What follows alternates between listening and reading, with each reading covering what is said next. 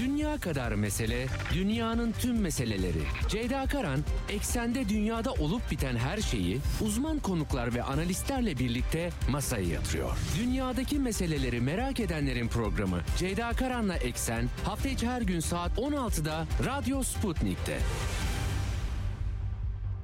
Senden merhabalar efendim. Bugün 28 Şubat 2023 günlerden salı dünyadan haberlerle karşınızdayız. Gündem yüklü deprem e, meselesi Türkiye'de ve artış sarsıntılarla sarsılırken dünyada da Ukrayna çatışmasının birinci yıl dönümü nedeniyle e, hareketli bir gündem var devam ediyor daha doğrusu. Her gün aktarmaya çalışıyorum e, sizlere. E, Ukrayna cephesinde e, gelişmeler var ve uluslararası cephede Çin'in 12 maddelik barış girişimi sonrası buna batıdan tepkiler var. Rusya'nın açıklamaları var. Bahmut cephesinde gelişmeler var. Lukashenko Çin'i ziyaret ediyor. E, yaptırımlar, ekonomi cephesi var. NATO'nun açıklamaları var. E, Kuzey akım 2 hattı ile ilgili gelişmeler var. Hakikaten e, bolca e, geniş bir gündem var. Cenevre'de silahsızlanma görüşmeleri nedeniyle Rusya'nın START anlaşmasını bu e, yeni ortam nedeniyle askıya almasıyla ilgili yine e, mesajlar var size e, aktaracağım. Ukrayna çatışmasına hem silah yardımı bir yandan e, bahar taarruzu işe yaramazsa müzakere masası basından batı medyasına bası, yansıyan gelişmeler var. E, hepsini aktarmaya çalışacağım size. Türk dış politikasında da Mısır diplomasinin gündeminde e, dün e, Semih Şükrü e, Türkiye'yi ziyaret etti. Tabi deprem vesilesiyle e, Mısır'ın yardımları vesilesiyle gelmişti. Buradan siyasi ilişkiler ki epeydir neredeyse iki yıl oldu e, devam eden görüşmeler vardı. Liderler buluşmasının zeminini hazırlamak olduğu anlaşılıyor. Notları aktarmaya çalışacağım sizlere.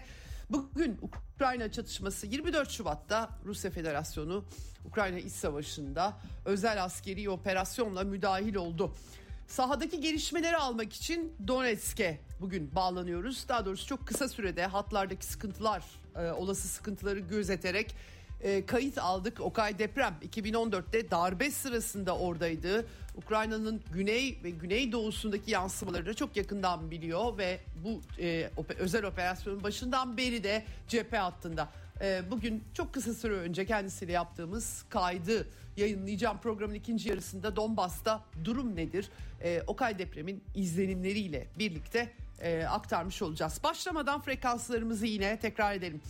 İstanbul'dan 97.8, Ankara'dan 96.2, İzmir'den 91, Bursa'dan 101.4 ve Kocaeli'nden 90.2 karasal yayın frekanslarımız bunlar. Sputnik Türkiye'nin web sitesi ya da cep telefonu uygulamasında kulaklığa basarsanız bizi rahatlıkla dinleyebilirsiniz. Telegram hesabını şimdi paylaşacağım. Oradan da e, istediğiniz zaman kaçırırsanız canlı yayını daha sonrasında bizi dinleyebilir, dünya özetlerini dinleyebilirsiniz diyelim. Başlayalım eksene. Dünya kadar mesele, dünyanın tüm meseleleri. Ceyda Karan, eksende dünyada olup biten her şeyi uzman konuklar ve analistlerle birlikte masaya yatırıyor. Dünyadaki meseleleri merak edenlerin programı Ceyda Karan'la Eksen hafta içi her gün saat 16'da Radyo Sputnik'te. Önce depremle ilgili deprem depremin Türkiye'deki yankıları tabii ki dünyaya mal olmuş durumda. Buradan aktarmıştım sizlere. En son Türkiye e, Dünya Sağlık Örgütü Genel Direktörü e, Etiyopyalı diplomat Tedros Adhanom Ghebreyesus'u ağırlıyor. Sosyal medya hesabından açıklama yaptı kendisi. Tabii malum deprem bölgesiyle ilgili artık e, dünyanın odaklandığı şey hem yeniden yapılanma, Türkiye'ye yardımlar aynı zamanda sağlık koşulları da e, konuşuluyor, tartışılıyor. Gebreyesus e, Doktor Hans Kluge ile birlikte Türkiye'nin e, Türkiye'deki insani koşulları iyileştirmek hedefli sağlık konusunda dayanışmayı vurgulamak için e, geldiğini belirtti. E, depremden etkilenen bölgelerdeki durumu da inceleyecekler. Böyle bir yabancı konuk var. E, pandemi sırasındaki açıklamalarından tanıyoruz biz de kendisini. Dünya Bankası bu arada e, Türkiye e, raportör direktörü Humberto Lopez bir açıklama yayınlamış. Hemen bunu da aktarmak istiyorum. Depremin deprem bölgesindeki e, iki büyük deprem ve daha sonra e, geçtiğimiz günlerde meydana gelen e, deprem buna dahil edildi mi bilmiyorum açıkçası Malatya e, ile ilgili ama e, muhtemelen o hariç 34.2 milyar dolarlık bir hasar hesaplanmış ilk raporlamada. Bu da 2021 yılı Türkiye'nin gayri safi yurt içi hasılasının yüzde dördüne karşılık geliyor. Gerçekten çok büyük kayıplar var. Tabii Türkiye ekonomisi üzerinde yaratacağı e, sıkıntılar var. Bu e, hızlı afet sonrası hasar tahmini e, raporu aynı zamanda Hatay, Hatay'da binaların yüzde kırkı neredeyse yarısı yıkılmış durumda. Tabii kullanılabilir olanları ayrı tartışma konusu. E, bu 34.2 milyar dolarlık toplam hasar neredeyse yarısı Kahramanmaraş ve Hatay merkezi. Şimdi Mart ayında Brüksel'de Avrupa Dayanışma Fonu toplantısı yapılacak. BM Kalkınma Fonu'nun, Avrupa Komisyonu'nun yeni raporları açıklanacak. Ee, yardım paketleri var tabii ki Türkiye'ye yönelik e, fonlar var ama tabii tahminler daha maalesef daha yukarıya çıkabilir durumda. E, bu vesileyle tabii Türk dış politikasına da daha yakından bakmak gerekiyor e, yeniden inşa çerçevesinde. Evet. Ee, Ukrayna'ya geçelim. Dünya gündemini Ukrayna çatışması belirliyor. Zelenski dün akşam Telegram kanalında Bahmut Artemos gününde yaşadıkları büyük zorluğa işaret etti. Ukrayna Kara Kuvvetleri Komutanı ki kendisi Rusya'nın Arkangelsk bölgesinde Rus asıllı bir isim. Ukrayna'nın Kara Kuvvetleri Komutanı çok zor. Ukraynalılar Rusları ayırmak e, maalesef düşmanlık ekilmiş durumda. Buradan anlayın durumu.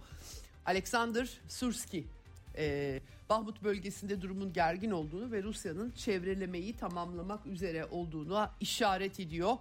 Birliklerimizin e, savunması kırmaya çalışıyorlar şeklinde.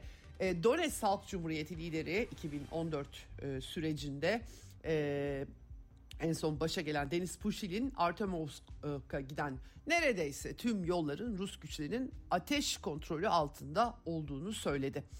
Böyle bir e, sahadan durum var. Onun dışında çok büyük değişiklikler görmedim. Rusya'dan aktaracaklarım var. Ama e, Rusya Savunma Bakanlığı e, Amerika'nın Ukrayna'da zehirli kimyasallarla provokasyon hazırlığında olduğuna dair ellerindeki raporları açıkladı. 10 Şubat'ta e, Kiev'in kontrolünde kalan Donetsk'in Kramatorsk kentine kimyasal madde taşıyan bir tren ulaştı. Trende yabancıların bulunduğu e, belirtiliyor. E, burada zehirli kimyasallar içeren 16 adet su geçirmez metal sandık dolu vagon Kramatorsk metalürji fabrikasına çekildi ve Ukrayna güvenlik servisi çalışanları ve ordu komutanları eşliğinde boşaltıldığı alınan istihbarat aktarılıyor. Sonra zırhlı araçlarla Amerikan yapımı çatışma bölgelerine hareket ettikleri söyleniyor. Ee, BZ bu psikotrop etkili zehirli kimyasal madde e, yazısı sandıkların üzerinde olduğu söyleniyor. E, hakikaten çok e, rahatsız edici e, bilgiler e, açıklanıyor. E, akut psikoz, yönelim bozukluğu, halüsinasyon, hafıza kaybı yaratacak şeyler. Ayrıca kimyasal silahlar sözleşmesinin birinci maddesiyle yasaklı durumda. Ancak Amerika'nın tabi Rusya e, Amerika'nın kendilerine yönelik Jake Sullivan iddialar ortaya atmıştı. Rusya kimyasal silah kullanacak diye. Bu e, açıklamanın da provokasyonu gerçekleştirme niyeti olarak gördüklerini Rusya tarafı açıkladı. Çünkü uluslararası toplum bu çatışmada etkili soruşturma yapamıyor. Onun için böyle şeyler söylüyorlar dedi. Ayrıca Kramatorsk'ta 11 vagon tahriş edici mühimmat boşaltılmış efendim. Gerçekten e, bu işin böyle kimyasal silahlara dökülmesi çok e, e, tehlikeli, sıkıntılı. Amerika Birleşik Devletleri'nin standart kimyasal malzemesidir. BZ ve Vietnam Savaşı'nda daha sonra başka kimyasal maddelerinde Afganistan, Irak ve Suriye'de çatışmalarda kullanıldığına da atıf e, yapmış. Evet böyle bir e, uyarı geldi Rusya Savunma Bakanlığı'ndan. Bu arada Ukrayna'da tabii ki özellikle Bahmut bölgesi, Ugledar bölgesi çok sert çatışmalar ve Ukrayna ordusunun ee, daha Aralık ayında Ursula von der Leyen 100 e, binden fazla can kaybı olduğunu videoda e, söylemişti. Sonra sildi videoyu ama e, özellikle işte ben aktarıyorum size Alman istihbaratı günde 503 katı kayıptan bahsediyor. Çok büyük e, tabii askeri alma e, faaliyetleri var. Telegram kanallarından izliyoruz. Bu kimi zaman genç çocuklar, kimi zaman çok yaşlı e, insanlar The Economist dergisinin dikkatini çekmiş ve seferberliğin Ukrayna'da e, ihlallerle devam ettiğini vurgulayan bir makaleye yer vermiş. E, The Economist dergisi işte e, askeri askerlik şubelerinin çalışma biçimlerini e, elleri olmayan engelli kişilerin bile e, alınmaya çalıştığını ilk defa dikkatimi çekti bu. Genellikle bunlara çok yer vermiyorlar. Telegram kanalları bu tarz haberlerle dolu ama dikkat çekici. E, Transnistria cephesi şimdilik teskin olmuş gibi gözüküyor. Orada büyük bir mühimmat deposu vardı Ukrayna ordusunun ama tüm sınır boyunca yoğunlaştığı haberleri de var. Bu çatışmanın daha da yayılmasına Moldova'nın e, Sovyetler Birliği'nden bu yana e, ayrılıkçı olan e, e, bölgesinde bir başka bir gerilim patlayabilir kaygıları vardı. E, Kişinev'de e, Moldova'nın NATO yanlısı, AB yanlısı hükümetine karşı protesto gösterilerinin görüntüleri yansıdı bu arada. Belarus sınırında da gerginlik var. Belarus lideri Lukashenko her türlü önlemi almaya çağırdı ülkedeki sabotaj faaliyetleri ve kendisi de Çin'i e, ziyaret ediyor. E, gitmeden önce ön koşulsuz barış anlaşması imzalamaktan başka Ukrayna'nın çaresi yok diye bir açıklama yaptı. Aynı zamanda Çin'le de yakın işbirliğinin altını e, çizdi kendisi. Evet Rusya'da bu arada İskender füzeleriyle tatbikat yaptılar. Kaliningrad bölgesinde Rusya'nın yine Avrupa'daki toprağında. St. Petersburg hava sahasında bir 12 saatlik uçuş kısıtlamaları olduğu tanımlanamayan bir cisim yüzünden ama e, düzelmiş gözüküyor açıklamaya göre. E, ayrıca e, Tuapse kentinde bir yangın e, oralarda bir e, takım İHA'larla bir saldırı olduğu küçük çaplı yangın çıkmış tesisin yanında. Böyle bir iç sabotajla olabilir tabii. Kuban ve Adıgey'de de Ukrayna İHA'ları da görülmüş durumda. Böyle bir alarm hali var. Evet şimdi işin siyasi cephesine bakarsak... E, Kremlin'in açıklamaları NATO'nun Rusya'yla ne söylerse söylesin fiili olarak çatışma halinde, savaş halinde olduğu. E, Dimitri Peskov yaptı bu açıklamayı. İzvestiya gazetesine konuşmuş. NATO bir blok olarak göreceli rakibimiz gibi değil, düşmanımız gibi davranıyor demiş. İstihbarat efendim e, her türlü yardım Ukrayna'ya veriyor. Bu verilen silahlarla da askerlerimiz öldürülüyor. Dolayısıyla nasıl oluyor da bu çatışmanın tarafı değiliz söylemi e, kullanılabiliyor e, demiş. E, hiçbir şey gizlemeye, örtmeye gerek yok neyse odur. Bu e, bu anlaşılmalı e, demiş. Lavrov e, bu arada e, Dışişleri Bakanlığı temsilcileriyle bir toplantı yapmıştı. Rusya'nın tecrit edilmeye çalışıldı ama bunun başarılamadığını dünyadaki durum. O da tabii Rusya diplomasisini anlatıyor. Hakikaten de Hindistan'da, Çin'de, Brezilya dünyanın dünyanın ABD ve Avrupa'dan gayrı bir de tabii ki Avustralya, Japonya gibi ya da kısmen Güney Kore gibi müttefikleri hariç Rusya'nın tecridi hedefi çok yerine gelmiş gerçekten e, gözükmüyor. E, Lavrov biz e, buna küresel çoğunluk diyoruz ifadesini kullanarak izah etmiş bunu. Buna Çin ve Hindistan'ın dahil olduğunu söylemiş. Dünyanın geri dönüşü olmayan köklü değişiklikler dönemine girdiği görüşünü dile getirmiş. Hemen arkasına Bakü'ye gitti. Azerbaycan lideri İlham Aliyev tarafından kabul edildi. Aliyev Rusya'nın Ermenistan'la e, ilişkilerin bu yıl düzelmesi için rolünün altını çizmiş bu arada. E, ben size aktarmıştım CIA Başkanı William Burns aslında geçen Kasım'da Ankara'da yapılmıştı. Rusya Federasyonu İstihbarat Şefi e, Sergey Narishkin'e görüşmeleri bununla ilgili konuşmuştu e, basına ve e, Rusya tarafının e, meydan okuma ve kibir duygusu içerisinde olduğunu iddia etmişti. Hemen ona yanıt vermişler, yanıtsız bırakmamışlar. E, iki buçuk saat nasıl sürdü o zaman bu kadar e, böyle bir söylem belirleyici olduysa diye sorgulamış Narişkin. Ve e, aynı zamanda e, William Burns'ü çok becerikli Rusya'da da görev yapmış bir diplomat. E, deneyimli ve becerikli bir diplomat diye nitelendirmiş ama CIA direktörlüğü görevinde pek de deneyimli, deneyimi olmayan bir arkadaş diye nitelendirmiş böyle retorik düzeyinde e, bir e, yansıma var.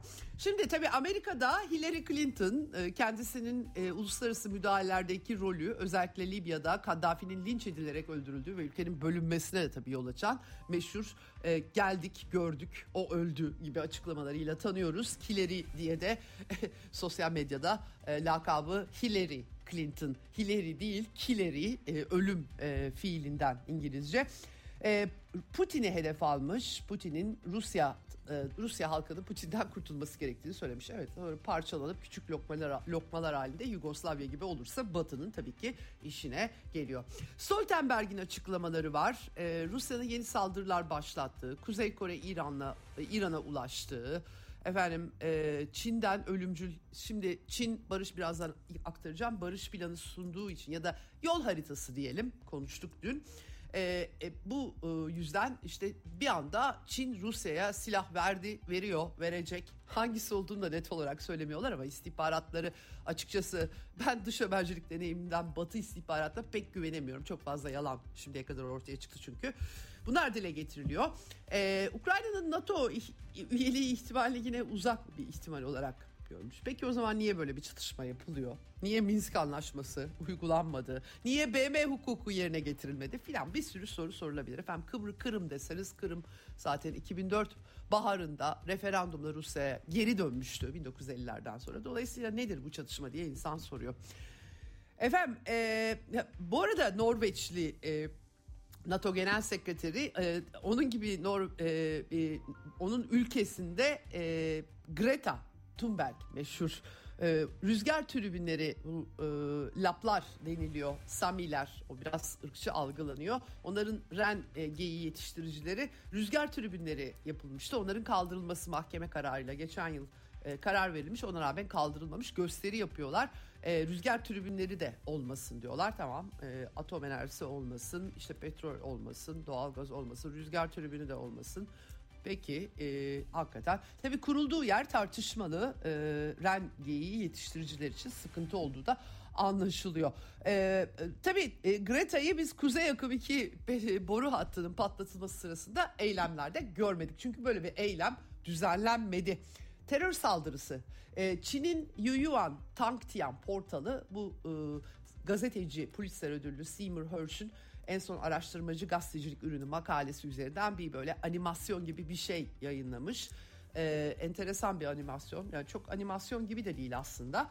İlk etapta ilk bilgilerde 4 borudan 3'ü tahrip olmuş. 500 milyon dolarlık bir onarım en az bir yıl. Tabii Amerikan yaptırımları var tabii ki politik irade var burada. Enteresan bu konuda bir e, tabii Greta'nın bir eylemini görmüyoruz. E, aslında büyük bir çevre felaketi çünkü Kopenhag Post gazetesine göre 4 kilometre mesafede tüm yunus balıkları şok dalgası yaşamışlar ve ölmüşler.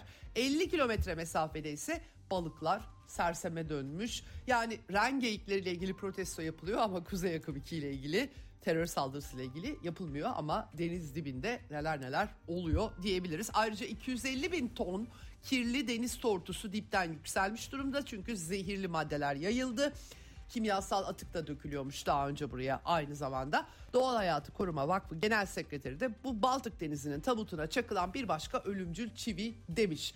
Kim takıyor bunu derseniz gördüğünüz gibi e, doğru düzgün raporlama bile yapmıyorlar. Kanıtları da artık üstüne soğuk su içsinler.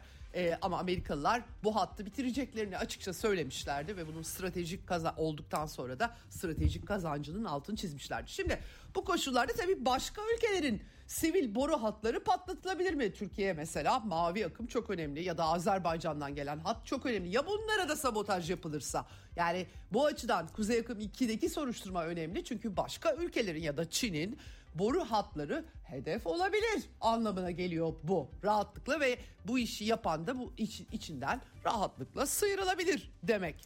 Ee, Viktor Orban bu konuya dikkat çekmiş. Özellikle Türk akım ve Macaristan'ın doğalgaz e, sağladığı güney boru hattı Macar ekonomisinin itici gücü bu demiş.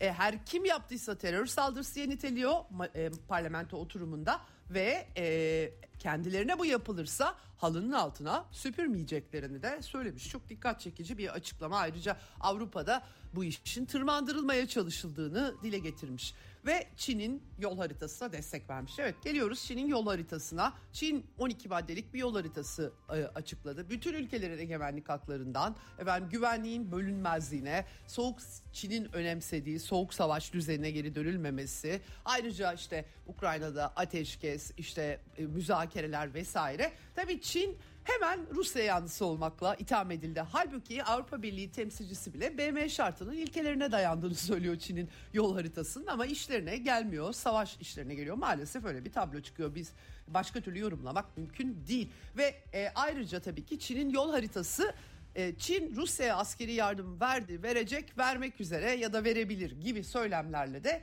e, gölgelenmeye çalışılıyor. Çinliler e, tepki olarak Çin Dışişleri Sözcüsü Mao Ning e, Rusya'ya e, e, yönelik yardım sağlama meselesiyle Amerikan Amerika'nın Rusya-Çin ilişkilerine müdahale etmesini kabul etmeyeceklerini dün e, açıklamıştı. E, Çin Rusya ilişkilerine saldırmaya en ufak hakkı yok Amerika'nın diye ifade etmişti. E, baskılara, tehditlere boyun eğmeyeceğiz diyor ama dünyada tabii karışık tablo. Macaristan lideri dediğim gibi Çin'in barış planına destek verdi. İran'dan destek geldi bu arada.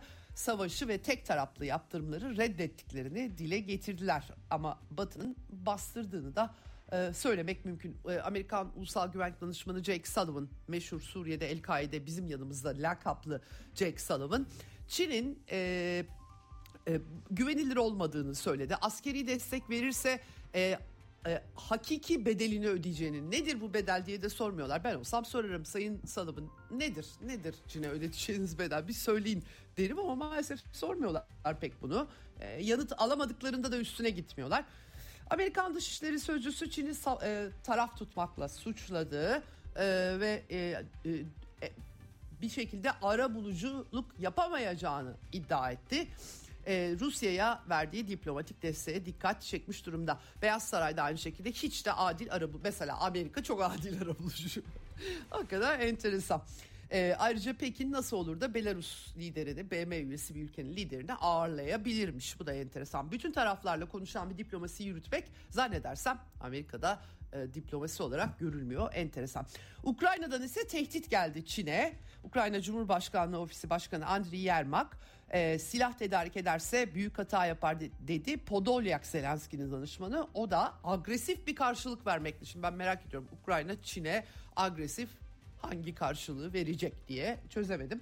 Fransa Dışişleri Bakanı Kolon'a e, açıklama yapmış. O da e, Wang Yi'ye ben ilettim. E, uyarılarda bulundum. Müdahale etmeme, devletlerin bütününe saygı ilkelerini içeren BM şart hükümlerine bağlı kalması dileğimizi ifade ettik demiş.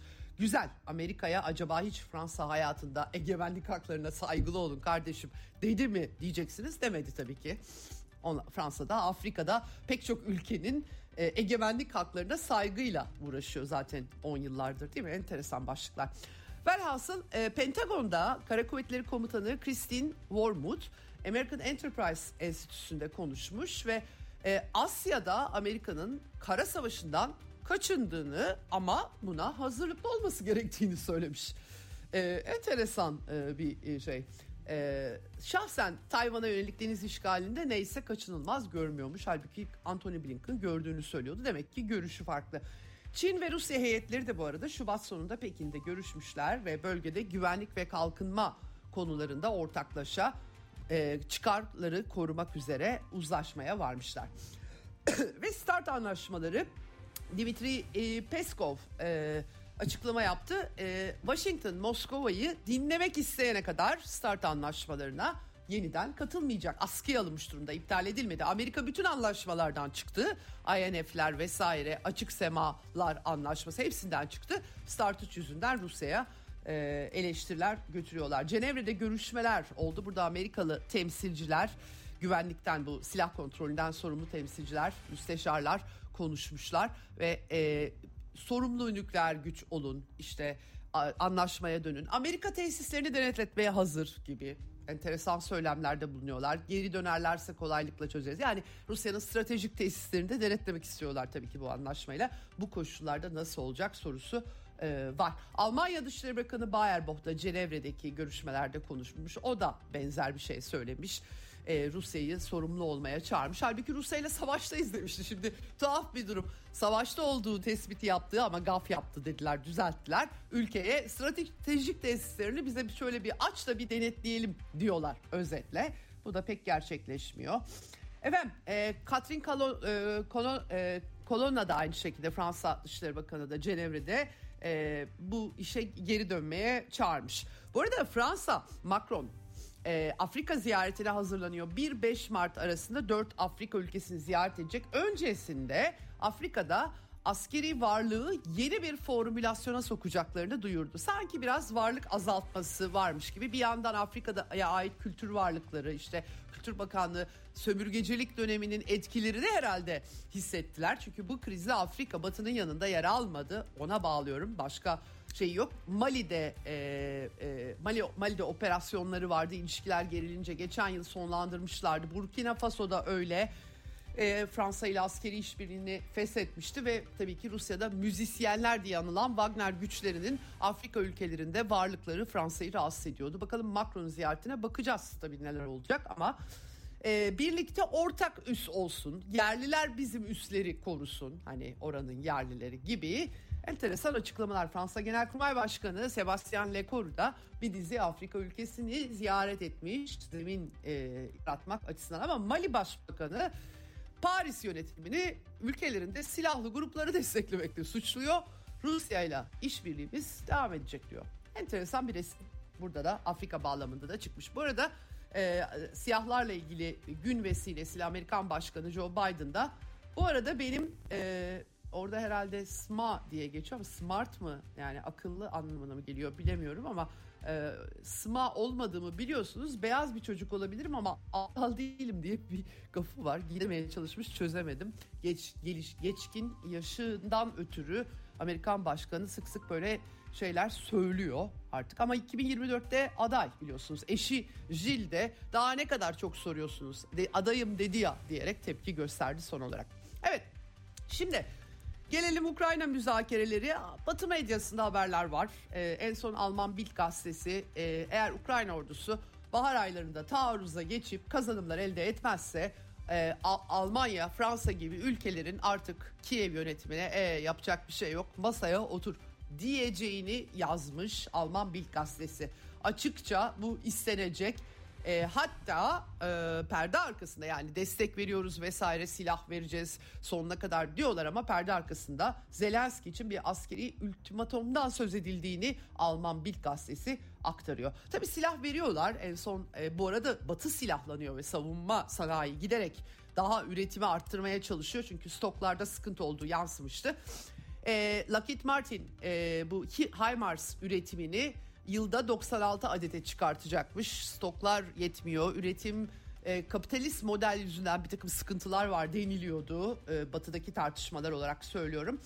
E, 2022 başında yılda 48 HIMARS üretilmiş. İşte bu yıl 96 ikiye katlamak gibi hedefler var. Britanya Başbakanı Ulusal Güvenlik Danışmanı Tim Barrow bir an önce hani e, bu iş çözülmesi lazım diyor ama silah vermemiz lazım diyor. Tanklar ve uzun menzilli silahlar uçak olmaz şimdilik e, diyor. Polonya e, çok enteresan savunma bakanı biz zaten o, o, o ne zamandır silah veriyoruz Kiev'e demiş herkesin bildiği mesele. İtalya'da İtalyanlar ya biz Meloni'yi niye seçtik? E, iç sorunlarımız için seçtik diyorlardı. Kamuoyuna yansıyor. Meloni dolayısıyla Kiev'i ziyaret etmişti. O da e, işte e, diyor ki biz hani e, şey yapmıyoruz kullanmak zorunda kalmayacağımız şeyleri veriyoruz sizi etkilemeyecek gibi e, kamuoyuna e, RAI üzerinden RAI televizyon üzerinden mesajlar vermiş. Almanya'da da Rheinmetall e, otomatik istihbarat sistemleri tedariki et, tedariği sağlamaya başlamış. Almanya e, tabii e, tank, Leopard tankları e, gidiyor Ukrayna'ya. Jake Sullivan da e, Almanya baskı yaptı bize. Biz Abrams'ları açıklamak zorunda kaldık demişti. Washington Post hatta kandırdı Amerikalılar Almanları Abrams filan verecekleri yok diye de yazmıştı aslında. Fakat buna biraz bozulmuş Almanlar galiba. Alman kabinesi e, temsilcisi Wolfgang Büchner hayır öyle olmadı. E, hiçbir zaman Scholz siz Abrams verin biz ondan sonra Leopard tankı verelim demedi demiş. Yalanlamış yani Hakikaten enteresan bir durum. Sonuçta Almanya e, Leopard 2 e, tankları Kiev'e vermesinin maliyeti sayılmaz ise 3.4 milyar euro e, harcamış durumda. E, Pistorius Savunma Bakanı bunu açıklamış. E, hava savunma sistemleri falan da veriliyor. Bitmiyor burada diyor kendisi. E, ama toplamda tabii e, Şubat 2022'den bu yana 14 milyar eurodan fazla parayı Almanya Kiev'e vermiş durumda. Bu arada Maliye Bakanı Christian Lindner Almanya'nın kamu borcunun 2021 yılının başından bu yana 10 kat artarak 4 milyar eurodan 40 milyar euroya çıktığını e, söylemiş efendim. Tabii bunda pandemi de var, pek çok etken var. Enerji krizi, Ukrayna çatışması, yaşam standartlarında düşüş ve Almanya sokaklarında gördüğümüz protestolar, savaşın bitmesi çağrıları. Ee, ABD Hazine Bakanı Janet Yellen ise dün Kiev'i ziyaret etti. Zelenski ile buluştu ve Ukrayna'ya 1 milyar 250 milyon dolarlık ekonomik yardımı duyurdu. Aslında bu tabii daha top 8 milyar dolarlık yardımın ilk paketi diyelim daha fazla verecekler. Rusya e, varlıklarına Batı istediği gibi el koymaya çalışıyor ama yasal kapitalizmin mülkiyet e, yani onları bile bağlıyor nasıl oluyor bilmiyorum ama işte böyle. Yani yasal engeller var Rusya'dan paraları e, Rusya'nın paralarını dondurup size o kadar kolay veremiyoruz demiş. Ayrıca Çin'i tehdit etmiş ciddi sonuçlar doğurur demiş. Nedir o sonuçlar tam bilemiyoruz dediğim gibi. Belarus'a yaptırımı uzattılar. Belçika 58 milyar euroluk Rus varlıklarını dondurmuş. bir harcayamıyorlar ama dondurmuş vaziyette. Evet e, Rusya dışişlerinin de AB'nin 10. yaptırım paketiyle ilgili e, yine hata yapıyorlar. Ticarete getirdikleri kısıtlamalar doğrudan rakiplerine olan bağımlılıklarını arttıracak. Avrupa ekonomik egemenliği bu şekilde öldürülüyor gibi açıklamalar yapmış durumda.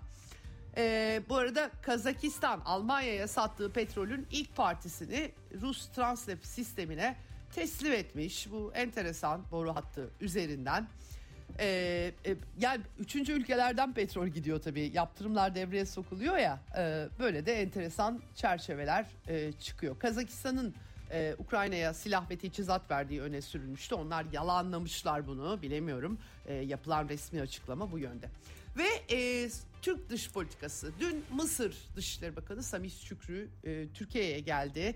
E, burada e, daha çok deprem yardımları El Hürriye gemisi Mersin limanına yanaşmıştı. Burada açıklamalar yapıldı. Çavuşoğlu teşekkür etti yardımlardan ötürü. E, Türkiye'de olmasının önemli olduğunu söyledi ve e, bir şekilde hem iktisadi ilişkiler hem de siyasi ilişkilerin onarımı için mesajlar aktarıldı. E, Mısır'ın her zaman Türkiye'nin yanında olacağını söyledi Şükrü. E, deprem yardımlarının dışında Samih Şükrü'nün açıklamalarında dikkat çekici husus şu. E, bu deprem e, ziyareti ama güçlü temel oluşturmanın önemini vurguladı Samih Şükrü. E, bir şekilde liderler buluşması organize edilmeye çalışılıyor. Bugün de Mısır Dışişleri Sözcüsü Ahmet Ebu Zeyd açıklama yaptı. Bu ziyaretin sonuçları, bu ziyaret deprem ve insani amaçlı ama e, ilişkiler e, iki tarafında normal seyline döndürülmesi için ortak arzusu var. Doğrudan angaje olunacak bir süreç belirlemek hedef dedi. Müzakere konuları belirlenecek, net bir vizyon sunulacak. Daha çok başında olduğumuzu anlıyoruz tabii bu söylemlerden. Diyeceksiniz iki yıl ne yapıldı onu tam bilemiyoruz. Ama belli ki istişare süreci hızlanacak efendim. Evet e, şimdi e, bunu da aktardıktan sonra hemen kaydımıza atıf yapmak istiyorum. Çok kısa bir süre önce Donetsk'e bağlandık. Okay depremle konuştuk. Hem cephedeki durumu hem insanların tepkilerini hem politik olarak e, oradaki durumu bize aktardı. Bugünkü ekran, eksende Ukrayna operasyonu 24 Şubat'ta başlayan ilk yılını doldurmasının üzerinden geçen süreyi ve gelinen noktayı Okay depremle konuştuk. Dünya kadar mesele, dünyanın tüm meseleleri. Ceyda Karan, eksende dünyada olup biten her şeyi uzman konuklar ve analistlerle birlikte masaya yatırıyor. Dünyadaki meseleleri merak edenlerin programı Ceyda Karan'la Eksen hafta içi her gün saat 16'da Radyo Sputnik'te. Eksenin ikinci yarısındayız. Şimdi telefon hattımızın diğer ucunda gazeteci yazar, Tele1 Donbas temsilcisi Okay Deprem var. Ee, Okay çok teşekkürler e, katıldığın için Eksen'e. E, hoş bulduk Ceyda Hanım. İyi yayınlar diliyorum şimdiden. Ee, Okay Rusya Federasyonu'nun özel askeri operasyonu birinci yılını doldurdu. Dünyada pek çok etkisi var. Aktarıyoruz her gün.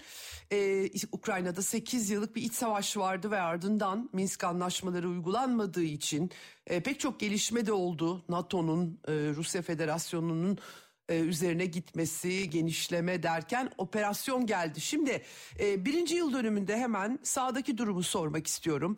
E, hem sağdaki durum nedir hem de insanların beklentileri ve senin izlenimlerin aktarırsan seviniriz. Eh, evet, e, hatırlayacağımız gibi bu özel operasyon başladıktan sonra Rusya çok hızlı bir giriş yapmıştı. Hem Donbas'a hem de tabii e, kuzeydeki sırasıyla Kharkov, Sumu, e, Çernigov ve Kiev eyaletlerine, illerine dönük ve e, birkaç ay içerisinde e, eski Lugansk vilayetinin kuzeyindeki e, tüm toprakları ele geçirmişti, kontrolü sağlamıştı ve oralarda e, sonuç itibariyle namı diğer Lugansk Halk Cumhuriyeti'ne fiilen e, katılmışlardı.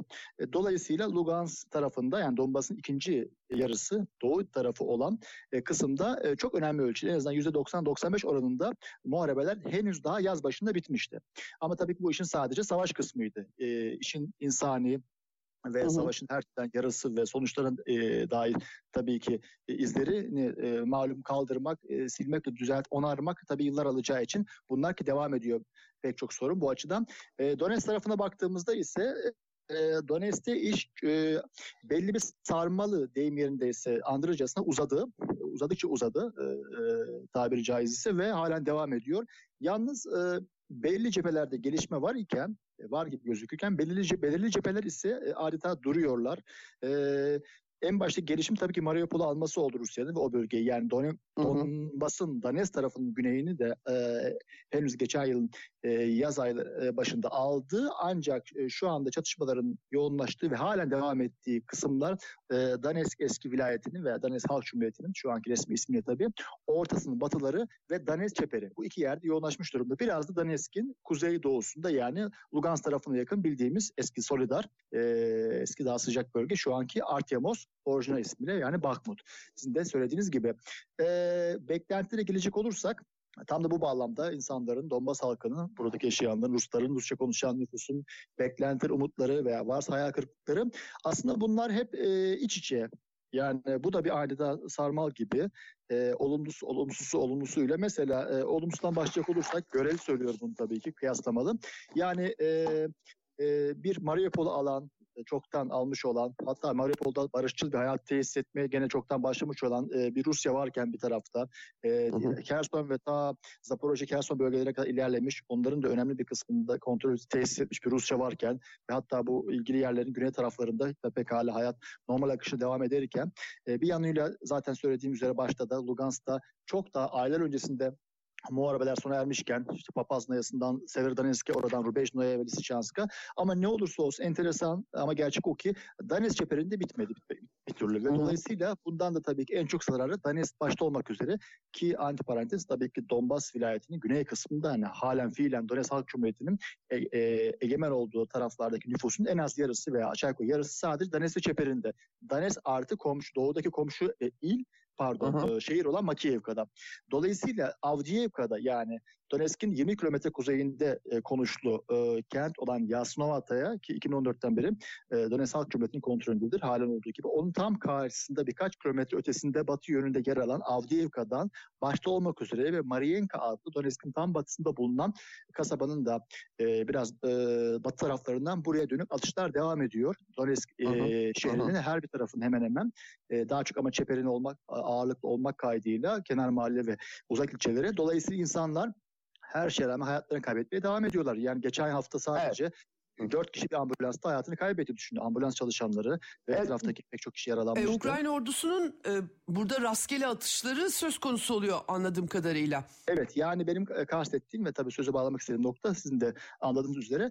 Yani e, bir yıl geçti. Çok hızlı bir giriş yaptılar. Bu kadar uzun zaman ve pek çok cephe kurtarılmasında e, alınmasına karşın pek çok kent ve bölge neden hala Donetsk'in dibindeki bu adını zikrettiğim yerler hala Ukrayna tarafı alınmıyor? Oralardaki düğüm e, deyim yerisi neden çözülmüyor ki en başta Donetsk ve çeperindeki yerleşim birimleri bir rahat nefes alsın. Bu sivil ölümler çünkü burada yoğunlaşmış durumda sivil ölümler aylardır. Daha evvel de olduğu gibi tabii ki 2022 Şubat öncesi neden türlü durmuyor? Yani buradaki sorun nedir? İnsanların çoğu artık bu soruya yanıt arıyorlar. Peki e, Okay Mariupol'de hayat, e, Mariupol tamamen kurtarılmış bölge. Ben Temmuz'da geldiğimde döneminde de seninle de Donetsk'te görüşmüştük. E, büyük bir yeniden inşa seferberliği vardı. E, orada durum nedir? Evet e, tabii ki e, hani çok sık gitmesem de belirli aralıklarla bulunuyorum. E, yakın zamanda nispeten e, gittim. Keza evet e, Mariupol'da hakikaten de çok hızlı bir yeniden inşa faaliyetine girişti Rusya. Yani düşünün ben e, büyük muharebeler bittikten Azovstal fabrikası da e, alındıktan sonra, boşaltıldıktan sonra herhalde çok taze taze ilk gittiğimde e, yaz başları daha o zaman ben otobüslerin ve bazen tek tük trolleybüslerin çalıştığını görünce hayrete uğramıştım açıkçası. Bu kadar mı hızlı olur demiştim. Ama zaten hı hı. aradan aylar geçti. Yaz, sonbahar ve tabii kış dönemi. Şimdi sonuna geliyoruz. Mariupol'da hem sıfırda inşa edilen ilçeler, e, yeni daha doğrusu kvartal adını verdiğimiz e, ma- mahalleler, e, yeni inşaat blokları, siteler e, artı tabii ki zarar gören, hasar gören binaların onarımı sonrasında devam ediyor. İnsanların yeni konutlarına yerleştirilmesi, eski konutlarına dönebilmeleri için imkan sağlanması, işte telefon bağlantısı, altyapı tesislerinin tekrar elden geçirilmesi ki su, e, şehirdeki su, e, ısıtma ve elektrik meselesi önemli ölçüde çözüldü.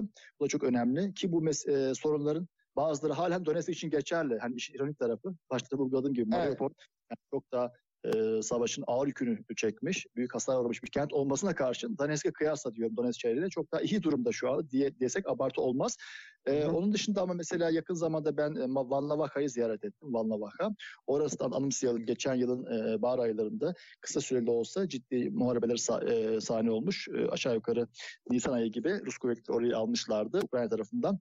Donetsk'le Mariupol arasında düşen bir yer. Orada da hayat olabildiği kadar hızla normalleşiyor. Orada gördüğüm kadarıyla geçen hafta gittim daha. Hı hı. E, onun dışında ama e, muharebelerin yoğunlaştığı yer Ugledar. Bu ismi hatırlıyoruz herhalde. Ugledar, evet, Zaporojye. evet, evet batı yönündeki komşu il Zaporojye'ye çok yakın konumda olan bir yerleşim birimi. Büyükçe bir kasaba aslında çok ufak bir şehir demek daha doğru olur. Oranın içerisinde, içinde doğrudan ve etrafında çok yoğun e, çarpışmalar sürüyor. Ben de oraya yakın hemen güney e, e, tarafında yer alan e, Velikaya Novosiyolka'ya gittim geçen hafta. İlgili görüntüler herhalde yakın zaman televizyon ekranına gelecektir. E, bir de bir şey daha tabii bu savaş gündemine dair bu uzun cephenin tabii Donbas ayağına ilişkin gündeme e, dair. Mesela Kremenna'ya Oradaki işte biraz uzadı gibi. Kremenna'yı hatırlatırım e, dinleyenlerimiz açısından. Lugansk tarafının ortalarına yani Lugansk Donetsk sınırının ortalarına e, tekabül eden ama Lugansk yönünde kalan bir e, e, ufak bir şehir yerleşim birimi Kremenna'ya. Orada da şu an belirsizlik devam ediyor ama çok ciddi çatışma orada da geçerli. Yani e, tabii ki şu anda her şeyin dünyanın gözü hakikaten her şey bir tarafa Artyomov'da veya diğer ismi Bakhmut'ta. E, Bakhmut'u Rus kuvvetleri yani Wagner öncülüğünde alacaklar gibi artık. Yani o kaçınılmaz gözüküyor. Hı Tünelin ucu yani doğru bir ifade gözüktü. Ama e, ondan sonrası tabii önemli olan. Yani çünkü daha Do- Donbas'ta şöyle söyleyeyim. Donetsk il, ilinin yüzde 35'i 40 halen her şeye karşı Ukrayna kontrol altında. Buradaki önemli yerleşim birimleri var. Slavya sırasıyla Slavyansk, e, Kramatorsk, e, Krasnoyarsk ve Konstantinovka. Bir de Druzhovka. 5-6 önemli yerleşim birimi hep hepsi de kent statüsünde halen Hı-hı. Ukrayna ordusunun kontrolünde. Dolayısıyla Bakhmut'tan sonraki e, Rus ordusunun e, Wagner e, tabii özel kuvvetleri nin ilerleyeceği yer e, hat belli çoktan açıkçası. Evet. E, ama bir de genel tablo var. Ona ilişkin sorularınız varsa yani Kherson, Zaporojye ve Ukrayna geneline ilişkin bizi bekleyen gelişmeler. Şimdi bir de e, Rusya'ya çok sayıda e, insan geçti. E, Birleşmiş Milletler rakam açıklıyor tabii. Aynı zamanda bunlar arasında bir de Rusya'ya e, geçen sığınmacılar var. E, Rusça konuşanlar, e, Rusya asıllı Ukraynalılar da var. E, 5-6 milyon insanla ifade ediyor. Bölgedeki nüfus hareketliğine dair de bilgi verirsen. Tabii memnuniyetle hakikaten de çok e, ciddi, çok e, kütlesel bir nüfus hareketi oldu. Hem Donbas içinde hem Ukrayna'nın genelinde hem de buradan Rusya'ya dönük. Hem Donbas'ın Ukrayna'nın farklı yerlerinde. E, birincisi e, bu e, özel asker operasyonu hemen önce zaten o ilgili 7-8 yıl e, zarfında e, Donbas artı Ukrayna'dan yani Ukrayna'nın geri kalan kısmından e, e, Rusya'ya, Rusya Federasyonu hali hazırda 3-4 milyon kişi göç etmişti daha o dönemde en azından resmi hı hı. kayıtlara göre. Son bir yıl içerisinde ise tabii bu katlandı. Yani zamana e, kıyasla bu rakam adeta geometrik olarak katlanmış durumda ve buna ilaveten de en az 2-3 belki 3-4 milyon kişi daha göç etti. Yani sadece Donbas'tan e, son bir yıl içerisinde işte ilk seferberlikten itibaren hem tabii halk nezdindeki seferberlik, kadın ve çocukların Rusya tarafından tabii geçirilmeleri hatırlayalım.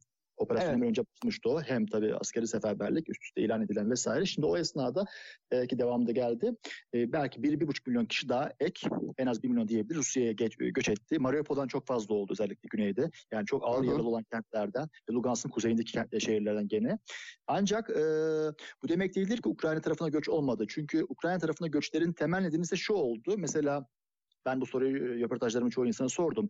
E, Lugansk e, e, vilayetin kuzeyinde demin de adlarını hatırlattığım işte Papasnaya, e, Papasnaya, Lysychansk Severodonetsk ve e, Rubejna gibi kentlerde. Şimdi e, güneye e, savaş şartları itibariyle ve lojistik açılardan e, gidemedikleri için Lugansk başta olmak üzere ve Rusya tarafından Ukrayna ordusu kapatmıştı uzun bir süre boyunca. Dolayısıyla o hengamede diyelim ilk başlarda ilk savaşın en çetin e, gün ve haftalarında çoğu insan Ukrayna tarafına göç etmek durumunda kaldı. Ukrayna tarafına gidenler sonradan Rusya tarafına geçemedi, gele, e, gelemediler veya en başta memleketlerine Lugansk en azından Donbas'a. Dolayısıyla kaldılar orada. İşte Rusya'ya dediğim üzere e, Donbas'ın dışında ise herhalde Ukrayna'nın çok farklı yerlerinden tabii imkanı olanlar yapabilenler çok zor şartlarda tabii ki sınır kapalı bildiğimiz gibi uzun bir süredir e, savaş Hı. halleri söz konusu iki ülke arasında. Dolayısıyla her şeye karşın 1-2 milyon kişi en az e, belki 2-3 milyon kişi bir şekilde geçebildi. Geri kalan nüfus da ise tabii ki Ukrayna'da bildiğimiz üzere alası Avrupa ülkelerine e, göç etti gitti ama Hı. ülke içinde de 10-15 milyon kişinin artı eksi e, yer, yer değiştirdiği milyonlarca insanın ülke içerisinde yer değiştirdiği biliniyor. Peki e, Kiev'deki darbeyle başlamıştı bütün bunlar e, Okay. İç savaş e, sürecinde e, özellikle e, neonazilerin e, etkinliği, e, Donetsk ve e, Lugansk'taki direniş... E, bu e, yapının e, temizlenmesi bakımından insanların görüşleri, beklentileri nedir?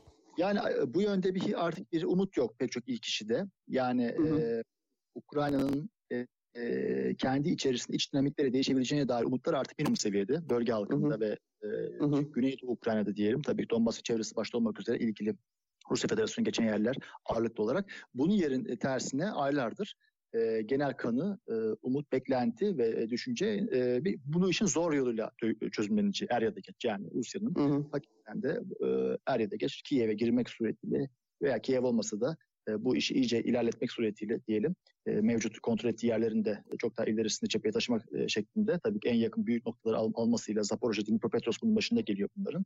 Belki bir güney hattında da tabii ki Nikolaev, Odessa artı Transnistria savaşın bu şekilde sonuçlanacağı ve yani diğer bir ifadeyle artık savaş şartlarının bu işe tayin edeceği başka türlü Ukrayna'nın şu haliyle Batı dünyasından kolektif batıya, NATO'ya bu kadar göbekten bağlı hale gelmiş bir ülkede e, ve e, diğer bir açıdan okuyacak olursak tabloyu Zelenski başta olmak üzere yönetim kademesinin hiçbir şekilde özgür ağırlıkların olmadığı, bağımsız karar, karar verme şanslarının, e, imkanlarının kalmadığı, olamayacağı bu şartlarda onlardan bir şey beklenmiyor. Ama buna rağmen çok ufak da olsa yani bir antiparantez çok çok e, az bir oranda olsa Ukrayna'da e, yani güç yolu olmasa ama tabii ki Rusya'nın bir şekilde e, yönlendirmesi, motivasyon veya da baskısıyla diye demek daha doğru olur.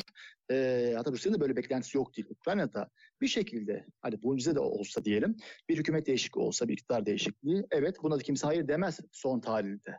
Ve ama top bu, bu, bu değişiklik ancak hükümet değişikliğinin çok ötesinde olmak durumunda ki her şey topyekun değişmeye başlasın. Bir yeni veya bir sayfa açılabilsin. Çünkü malum şu anda demin sizin adınızı e, adını yenilediğiniz hatırlattığınız Azo başta olmak üzere işte Donbas taburları, eski sağ sektör, efendim Aydar vesaire bu yapılar başta olmak üzere zaten e, işte bu neonazi e, faşizan aşırı sağcı yapılar devlet kademelerinin her bir tarafını ele geçirmiş durumdalar. Yani Batı, AB, Orta Ukrayna kökenliler başta olmak üzere şu anda mesele Ukrayna'nın çoktan beri Kiev'deki klasik e, hükümetin veya meclisin değişmesi değil, kurucu meclis oluşması değil, tüm bir iktidar aygıtının, tüm e, bir e, güvenlik aygıtlarının, yönetim kademelerinin, tüm em, emniyet birimlerinin, istihbarat birimlerinin hepsinin topyekun değişmesi bu tabii on binlerce kişiyi ilgilendiren çok cevasal bir aygıt anlamına geliyor. Kiev'i de aşan bir şey bu tabii ki.